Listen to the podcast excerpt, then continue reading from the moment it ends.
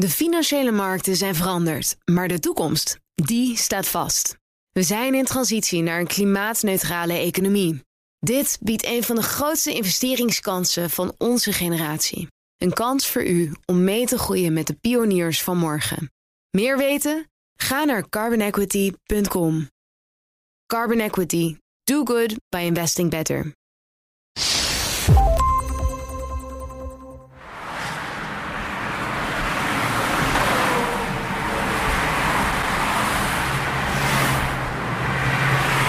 Ons geldsysteem is als een grote logge bus.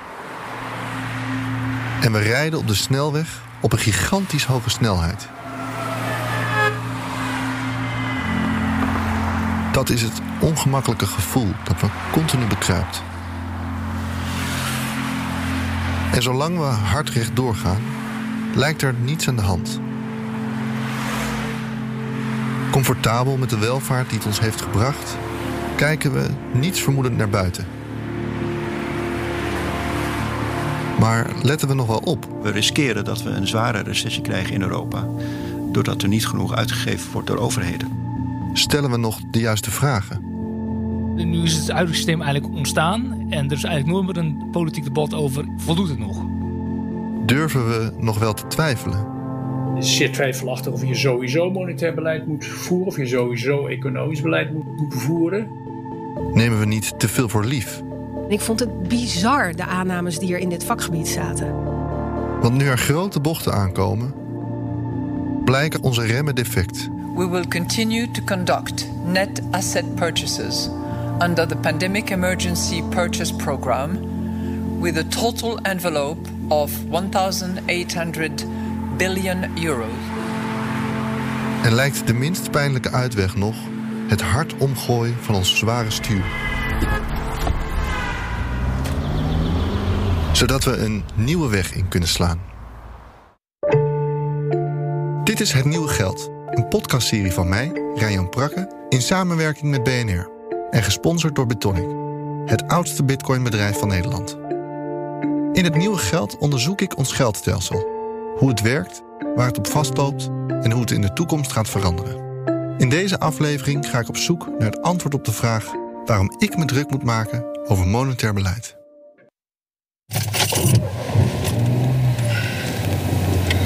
Zeg maar, waar ga ik heen? Eh, nu kun je het beste hier rechtdoor gaan. En dan waar ze allemaal staan te knipperen, ga jij hier al eerder links. Even langs de krantenman. Dit is nu helemaal leeg, hè? Oh ja, die zijn, zijn failliet? Echt? Ja, failliet verklaard, ja. Ach jeetje. ja. In het jaar dat ik mijn eerste journalistieke stappen zet en de economie grotendeels wordt platgelegd door corona, ondergaat mijn vader vier hartoperaties. Echt iets lezen of iets bestuderen, daar, daar komt het niet van. Je kijkt een beetje televisie eh, eh, en iets van de lengte van een krantenbericht. Maar ik, ik had gewoon niet meer concentratiemogelijkheid doordat je zo eh, ja, moe gebeukt bent in je lijf door Hij mist zijn vrijheid, zijn routines. Elke dag ging hij voorheen een krantje halen bij de tabakzaak. En zodoende rijd ik hem die kant op. de tabakshop. Thomas aan Campus. Het ziet er een beetje dichter uit, hè? er nogal dicht uit, ja. Fysiek en mentaal is hij nog fragiel. En kan hij weinig zonder de hulp van mijn moeder. Lijkt dus, hij lijkt dus toch wel. Dat is hem zelf. Ja. Nou, dan kan je hem bellen dus nu. Ja, want ik heb hem opgevonden van. Ehm ja, goeiedag met eh, Hans Prakke. Goeiedag. Je hebt me eh, drie kwart jaar niet gezien. Maar ik eh, heb met allerlei hartoperaties in het ziekenhuis gelegen. En ben dus nu voor het eerst weer zo'n beetje echt buiten. En mijn zoon die rijdt mij nu in mijn auto. Ik weet niet, heb jij kranten op dit moment? In de zes maanden dat hij in het ziekenhuis lag, heb ik dagen en nachten bij hem aan het bed gezeten. Maar waar we in de jaren ervoor niet veel verder kwamen dan korte gesprekjes over mijn kinderen, vinden we elkaar nu voor het eerst in gedeelde interesses. In wat mijn werk wordt en zijn werk was.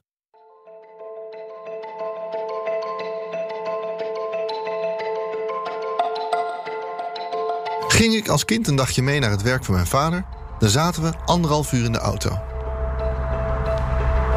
Van een klein dorpje op de Veluwe helemaal naar Den Haag. In de kofferbak ging stevast een gigantische bandrecorder. En voorin, naast de asbak met brandende sigaar, staat een grote zwarte autotelefoon die constant afging. Mijn vader was journalist, parlementair verslaggever. Zeven minuten voor half twaalf. We gaan eens kijken naar de politiek in eigen land. Hans Parker, onze politiek redacteur, eh, volgt de zaak daar in Veldhoven. Hans, goedenavond. Goedenavond. De 87e Algemene Vergadering hier in de Koningshof in Veldhoven. Ik kom daar straks nog uh, uitvoerig op terug. Ik deed eerst, zoals dat heet, mijn wekelijkse vrijdagse plicht. En dat hield in dat hij het gesprek voerde met de minister-president. Hoort u nu. Meneer Lubbers, waar is een premier? Mijn moeder is psychologe. Ze had in de tijd een praktijk aan huis en behandelde middels de zelfconfrontatiemethode. Een vorm van narratieve psychologie. Het ordenen van emotionele gebeurtenissen tot een verhaal zou een genezende werking hebben.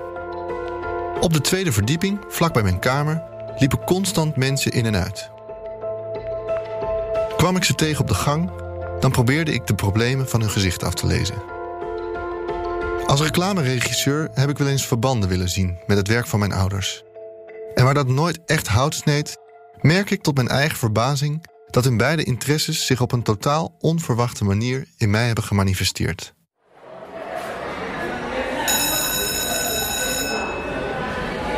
Net als mijn ouders ben ik een echte alfa. Exacte vakken interesseerden me niet. Ik voelde me dom bij het maken van berekeningen en ging ze daarom zoveel mogelijk uit de weg. Leer me vooral waarom het belangrijk is dat men nu weet hoe je een hellingshoek berekent, maar vooral niet hoe. Het is echter juist die waarom-vraag, die context, die bij mij op de middelbare school ontbrak bij exacte vakken.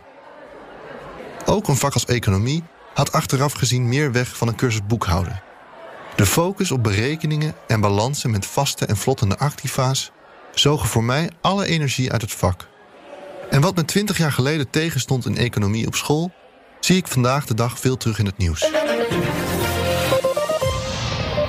Volgens het Centraal Bureau voor de Statistiek bedroeg de inflatie in de afgelopen maand 0,3 procent. Het zijn te vaak alleen de uitkomsten van berekeningen die het nieuws lijken te halen. Dat was lager dan vorig jaar, dat was het 2,4. Omdat die stijging lager is, ja, drukt dat de inflatie. Door het niet over de politieke context te hebben, maar over de berekeningen, krijg je als leek het idee dat economie om feiten draait. Afstandelijke waarheden die je moet aannemen, maar niet als beleid dat je ter discussie kan stellen. Maar economie is geen exacte wetenschap.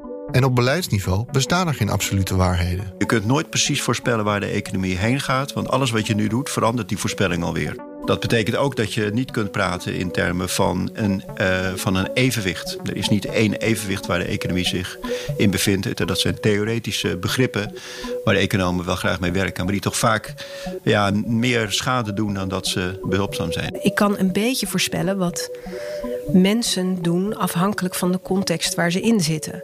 Maar om dat lange termijn te voorspellen, ja, daar heb je inderdaad zoveel verschillende invloeden op. Dat is gewoon uh, ondoenlijk.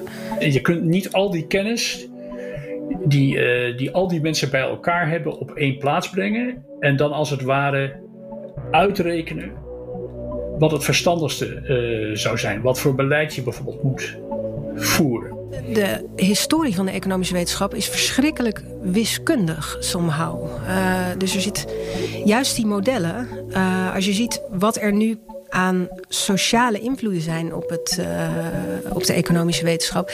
Die zijn of heel oud of heel jong. Maar de afgelopen honderd jaar is er, zijn er vooral modellen gebouwd. En dat zijn heel wiskundige modellen.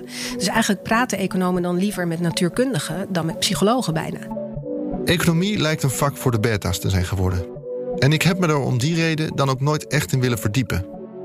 Omdat ik ervan uitging dat ik onvoldoende in staat zou zijn om er een onderbouwde mening over te kunnen vormen.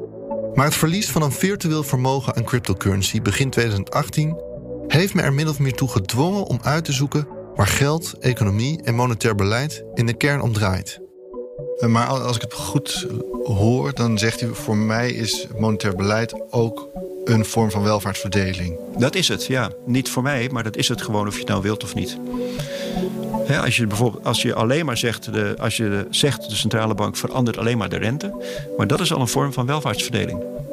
Want als je de rente verhoogt, verhoog je dus het rendement voor iedereen die spaart. En je verhoogt de kosten voor iedereen die moet lenen.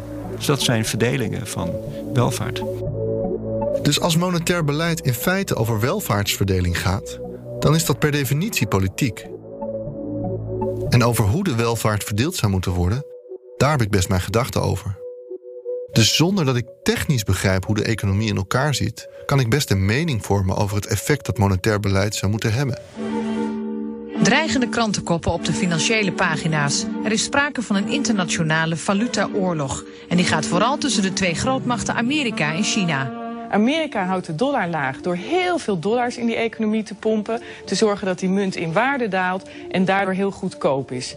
En waar het binnen het eurogebied politiek wordt ingezet, is monetair beleid ook internationaal een stevig, maar niet ongevaarlijk politiek pressiemiddel. Als je je zoveel geld in de economie pompt en je munt zo goedkoop maakt, dan loop je de kans dat je op een gegeven moment gierende inflatie krijgt die je niet meer in de hand kan houden. Is ook in de jaren 70 gebeurd. En dan moet je super pijnlijke maatregelen nemen, zoals een hele hoge rente, om dat weer terug te draaien. En om hier een mening over te vormen, over het politieke doel, de middelen die men inzet om het doel te bereiken en de mogelijke effecten ervan, daar wil ik me best in verdiepen.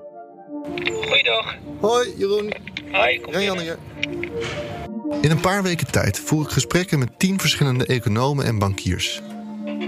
Vrijwel allemaal hebben ze een andere economische achtergrond. Nou, ik ben wel een gematigde monetarist. Gedragseconomie is eigenlijk een soort van vergaarbak eh, van. voorkomen. Maar ik, ben, ik heb mij wel heel erg verdiept in de Schumpeter. Minsky. Maar wat ze gemeen hebben, dat is dat, dat het allemaal evolutionaire economen zijn. Ehm, en in die zin ben ik wel, heb ik meer affiniteit met uh, post-Keynesianen bijvoorbeeld.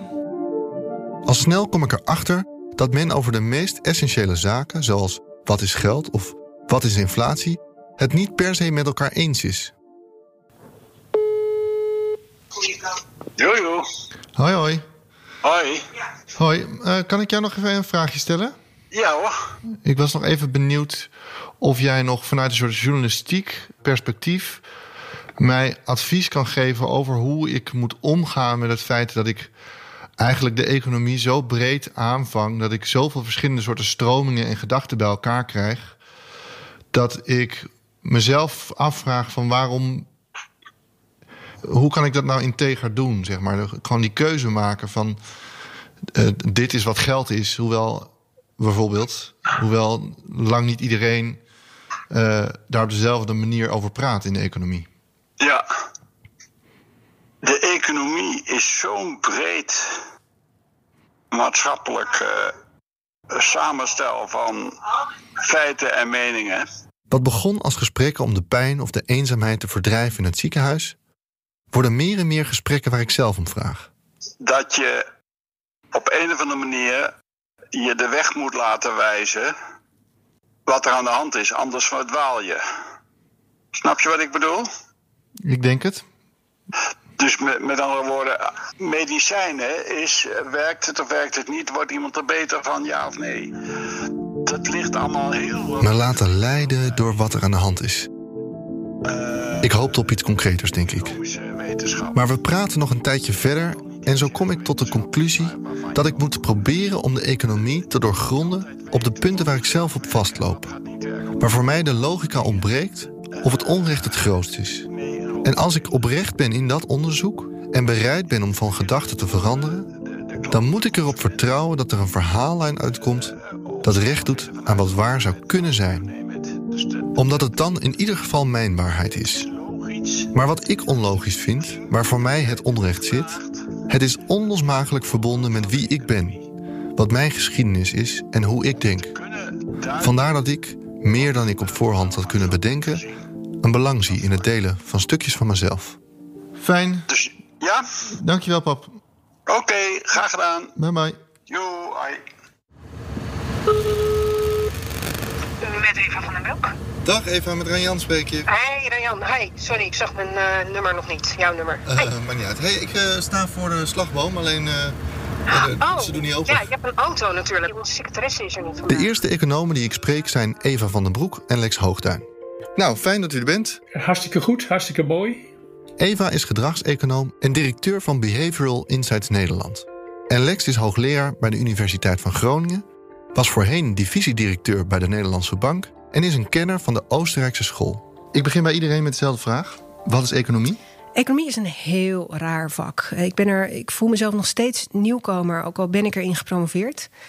Um, toen ik begon, ik had het nooit zelfs op de middelbare school gehad. En ik vond het bizar, de aannames die er in dit vakgebied zaten.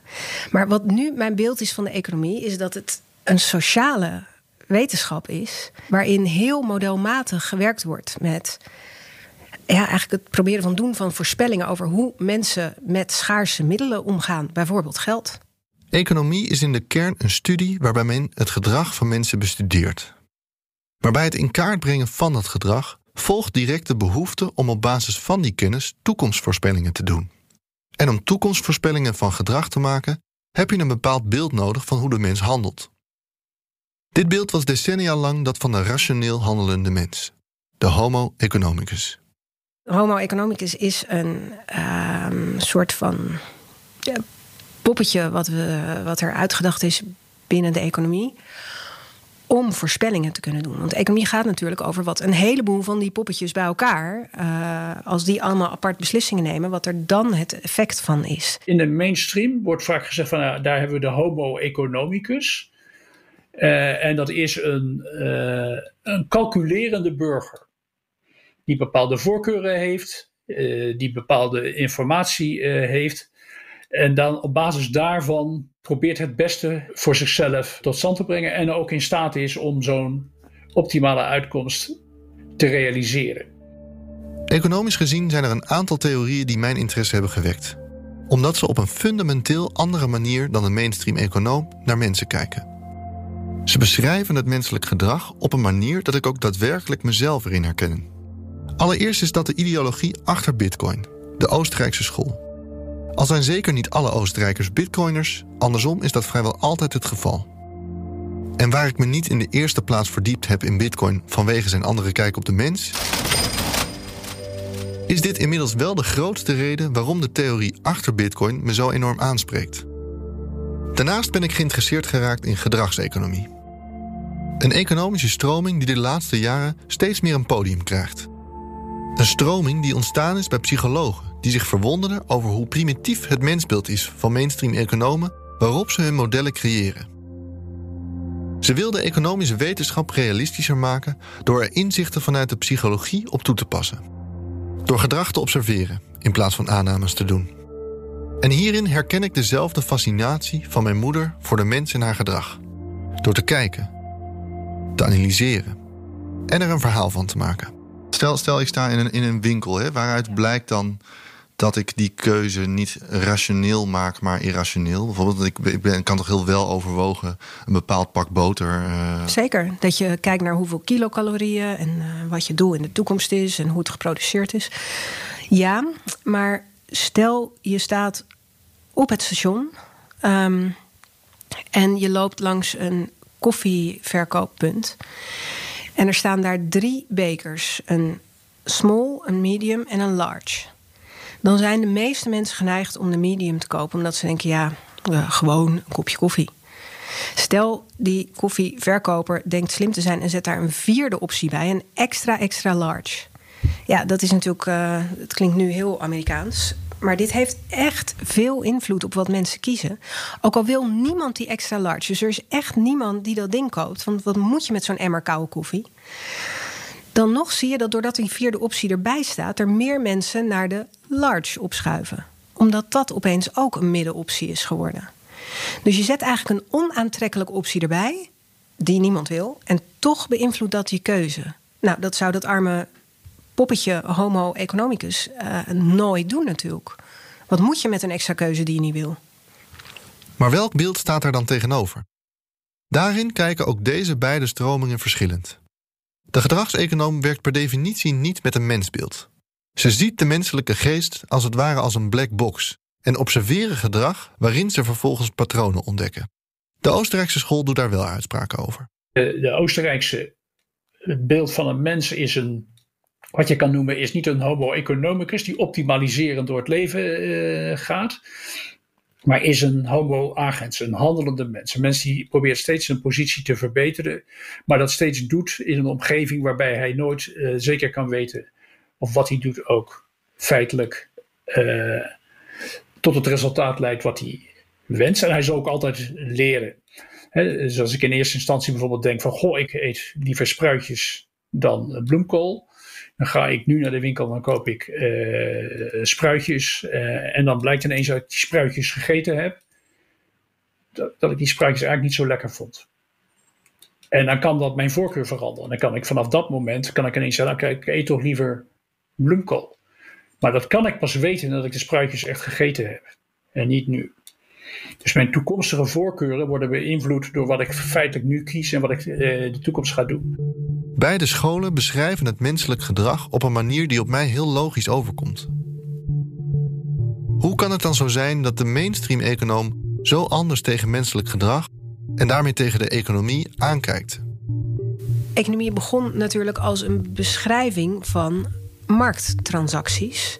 En dat zijn weliswaar individuen die uh, markttransacties doorvoeren, maar ze doen dat heel vaak in de context van een bedrijf. En we weten al dat als we beslissingen voor andere mensen maken, bijvoorbeeld dat we rationeler denken, dat is helemaal zo als je ze na afloop moet legitimeren aan een baas natuurlijk. Ga ik dan te snel als ik zeg dat uh, het hele monetaire beleid en, en, misschien wel zeg maar, het mensbeeld wat daar ja. aan ten grondslag ligt, eigenlijk veel meer een beeld is wat heel erg duidelijk past bij bedrijven, maar niet zoveel te maken heeft met mensen. Ja. Niet zoveel te maken heeft, vind ik ver gaan. Maar ja, ik denk dat je conclusie wel ongeveer klopt. Uh, het is daarop gestoeld en het is daarvoor bedoeld. Um, je kunt er een heleboel mee als je mensen wil beschrijven. En natuurlijk zijn mensen degene die uiteindelijk die beslissingen maken. Um, maar er zijn nog zoveel andere dingen die op mensen beslissingen van toepassing zijn dan op bedrijven, dat het gewoon een ingewikkelder model wordt als je het over echte mensen hebt of over jou persoonlijk inderdaad. Dus waar een bedrijf in de kern rationele doelstellingen heeft, meer winst, meer productie, minder kosten, is een mens vele malen complexer, irrationeler, onvoorspelbaarder. En zo begin ik de Homo economicus van de mainstream econoom meer en meer te zien als een werkbare methode om het economisch verkeer tussen bedrijven in kaart te brengen maar zegt het veel minder over ons gedrag als mens of als consument, in een winkel bijvoorbeeld. Maar wat werkt voor bedrijven lijkt niet de beste manier om de hele economie te voorspellen. Dat blijkt onder andere uit een grafiek die ik op Twitter voorbij zie komen. Het laat de inflatievoorspellingen zien van de ECB van de afgelopen 10 jaar. En telkens blijkt de inflatie totaal anders uit te pakken dan de realiteit. Telkens wijzen de voorspellingen in een mooie rechte lijn omhoog waar deze in werkelijkheid veelal daalde. Moeten we niet omarmen dat we de toekomst niet weten? Een van de uh, belangrijkste taken van een econoom volgens de Oostenrijkse theorie is voortdurend uit te leggen aan iedereen uh, hoe weinig we weten van het uh, economisch systeem waarin we voortdurend proberen in te begrijpen. De Oostenrijkse school heeft deze complexiteit van de mens meegenomen in zijn kijk naar de economie en komt tot een fundamenteel andere kijk naar hoe je met economisch beleid zou moeten omgaan. First do no harm. En dat zie je bijvoorbeeld ook in de geneeskunde. Uh, de eet van Hippocrates, first do no harm. Dus geef eerst de, de, de aanpassingskrachten die er zijn de kans om hun werk te doen. Ga niet in een systeem zitten rotzooien dat je zelf maar heel beperkt kent. Dus heel bescheiden over wat je kunt weten. En verwijt aan de mainstream is dan ook uh, heel vaak dat de mainstream pretendeert de wereld te kunnen beheersen, be beleid te kunnen voeren, eh, tot op de tiende procent te kunnen sturen. Hè. Wat ik straks zei, als je een doelstelling hebt voor prijsstabiliteit 1,7, 1,8 of 1,9 procent, daarvan zal een Oostenrijkse eh, econoom zeggen dat is, uh, ja, dat is overmoed, dat je denkt dat je zo eh, precies een economie kunt sturen. Daar is die veel te, veel te complex uh, voor. En dit deed me heel sterk denken aan een fragment van Pieter Omtzigt, dat ik in de aanloop naar de verkiezingen voorbij zag komen. Ik, ik zie die doorrekening en ik denk, wij zitten dus over 0,1 of 0,2 procent hier uh, in die fictieve modellen. En die CPB-modellen die zijn fictiever dan ze ooit zijn. Ja. Want we gingen er een paar jaar geleden vanuit van nou, dan groeien we anderhalf procent. Nou, we zijn vijf procent gekrompen. Enorm effect op de economie. En wij doen nog steeds in onze veilige CPB-wereld mm -hmm. alsof we daar het land mee kunnen besturen. Dus ik, ik zit daar een klein beetje mee, om heel eerlijk te zijn, naar je het vraagt. Ik ben zelf gepromoveerd statisticus. Ik kan die modellen maken. Ik vind het mm -hmm. leuk. Je kunt er maar s'nachts wakker maken en dan speel ik ermee.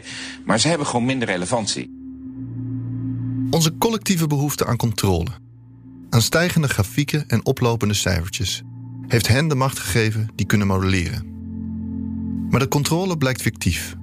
En ik vraag me daarom af in hoeverre een geldsysteem dat zich in de eerste plaats richt op de groei van bedrijven, ons gedrag als mensen beïnvloedt. En praat onder andere hierover met Martijn Jeroen van der Linden. Martijn is lector New Finance aan de Haagse Hogeschool, promovendus aan de TU Delft en voorzitter van de stichting Ons Geld. En in die zin beïnvloedt het er ook echt ons handelen, het monetaire systeem, omdat we heel naar inflatie streven. Weten we ook bijvoorbeeld als ik een huis wil kopen, nou ja, hetzelfde huis kan volgend jaar best wel 8% duurder zijn, dus kan ik het beter vandaag kopen. Eh, en dat geldt voor, voor heel veel andere goederen natuurlijk ook. We weten dat er inflatie in zit en daardoor gaan wij gewoon consumeren. En in die zin is het dus, het, hele systeem als geheel is in die zin niet neutraal. Het zet ons enerzijds aan tot productie en anderzijds aan consumptie. En je kunt zeggen, misschien is dat in een, in een, tijd best wel goed geweest. In het begin van kapitalistische ontwikkeling. Maar ik denk dus zelf, nou ja, gezien alle eh, problemen rondom duurzame ontwikkeling en het doel om een circulaire economie te, te realiseren, dat we zeg maar, over dit soort basale concepten, of misschien zelfs doelstellingen van het systeem, eh, ja, moeten nadenken of daarop moeten reflecteren en ja, ons afvragen: is dat nog van deze tijd? Voldoet dat nog? En zijn er niet betere alternatieven voorhanden? Omdat het economische systeem ons veel welvaart heeft gebracht, zijn we gaan vertrouwen op de modellen die onderdeel zijn van de theorie. Maar de wereld verandert. Meer productie, meer consumeren is niet per se beter in de wereld van morgen. Inmiddels draagt de behoefte om te sturen op de economische groei van morgen bij aan het ontwrichten van de samenleving vandaag de dag. Want eh, de woninggekte die komt voorlopig toch niet tot een einde. Wereldwijd neemt de inkomensongelijkheid toe. Wat gaat er mis op financiële markten? Het lijkt wel of beleggers zich helemaal niets meer aantrekken van de pandemie. Monetair beleid is politiek, maar is de laatste decennia juist meer en meer loskomen te staan van de directe invloed van de politiek. Centrale banken mogen onafhankelijk van de politiek beleid maken. En het bestuur van de Nederlandse bank kan niet worden afgezet door een kabinet bijvoorbeeld. Dit heeft onder andere tot gevolg dat er in de Tweede Kamer nauwelijks over monetair beleid of ons geldsysteem gesproken wordt. Nou ja, ik denk dus dat dat een van de dingen wat eh, ook de afgelopen 40 jaar is gebeurd, dat, er heel, dat het heel technocratisch is geworden. En je kunt verschillende inrichtingen kun je zo uittekenen. En dan is het uiteindelijk een politieke keuze hoe je het wil doen. Nu is het huidige systeem eigenlijk ontstaan. En er is eigenlijk nooit meer een politiek debat over, is het nog, voldoet het nog? Of willen we iets anders? Of biedt nieuwe digitale technologie niet de mogelijkheid om een veel beter systeem te implementeren? En je ziet wat heel erg de afgelopen tien jaar is gebeurd, dat die politici die vinden het eh, lastig, eh, het is complex. En ze denken ook eigenlijk dat ze er niet over gaan. Dus ze wachten liever op centrale banken, eh, dat die het initiatief nemen, in plaats dat ze zelf zeggen, nou ja, wij denken dat het deze kant op moet, centrale bank, ga het doen. We hebben het stuur uit handen gegeven en durven zelf niet meer op de bestuurdersstoel te gaan zitten. Maar de veilige weg die ons enorm veel welvaart heeft gebracht, zou zomaar eens eindig kunnen zijn. Omdat het te veel van ons vraagt, of van onze planeet. Dan moet er ruimte ontstaan voor nieuwe ideeën over ons geldstelsel. En die zijn er legio. Ook ik heb nu nog maar een glimp opgevangen van alle economische scholen. Maar de belangrijkste stap die ik heb moeten maken is een monetair beleid als politiek te zien.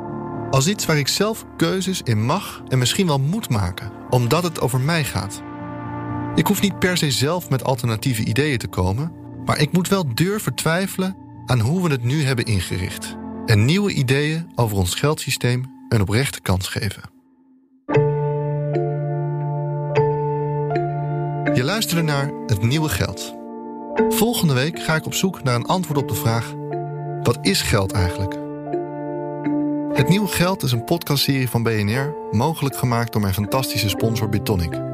Bitonic heeft me de financiële middelen en de journalistieke vrijheid gegeven om dit verhaal te kunnen brengen, ongeacht te weten welke kennis ik op zou doen en welke kant de economen me zullen wijzen.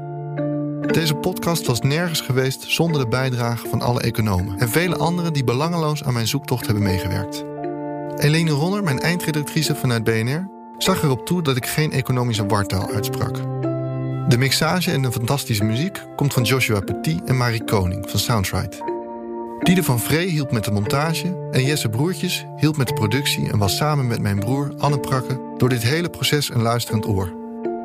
Wil je dat meer mensen deze podcast horen? Geef hem dan een recensie in je favoriete podcast-app. Dat maakt hem beter vindbaar. En heb je een opmerking of een vraag? Neem dan vooral contact met me op. door een mailtje te sturen naar hetnieuwegeld.bnr.nl. Dankjewel.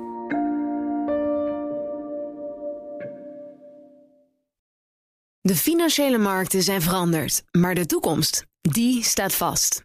We zijn in transitie naar een klimaatneutrale economie. Dit biedt een van de grootste investeringskansen van onze generatie. Een kans voor u om mee te groeien met de pioniers van morgen. Meer weten? Ga naar carbonequity.com. Carbon Equity. Do good by investing better.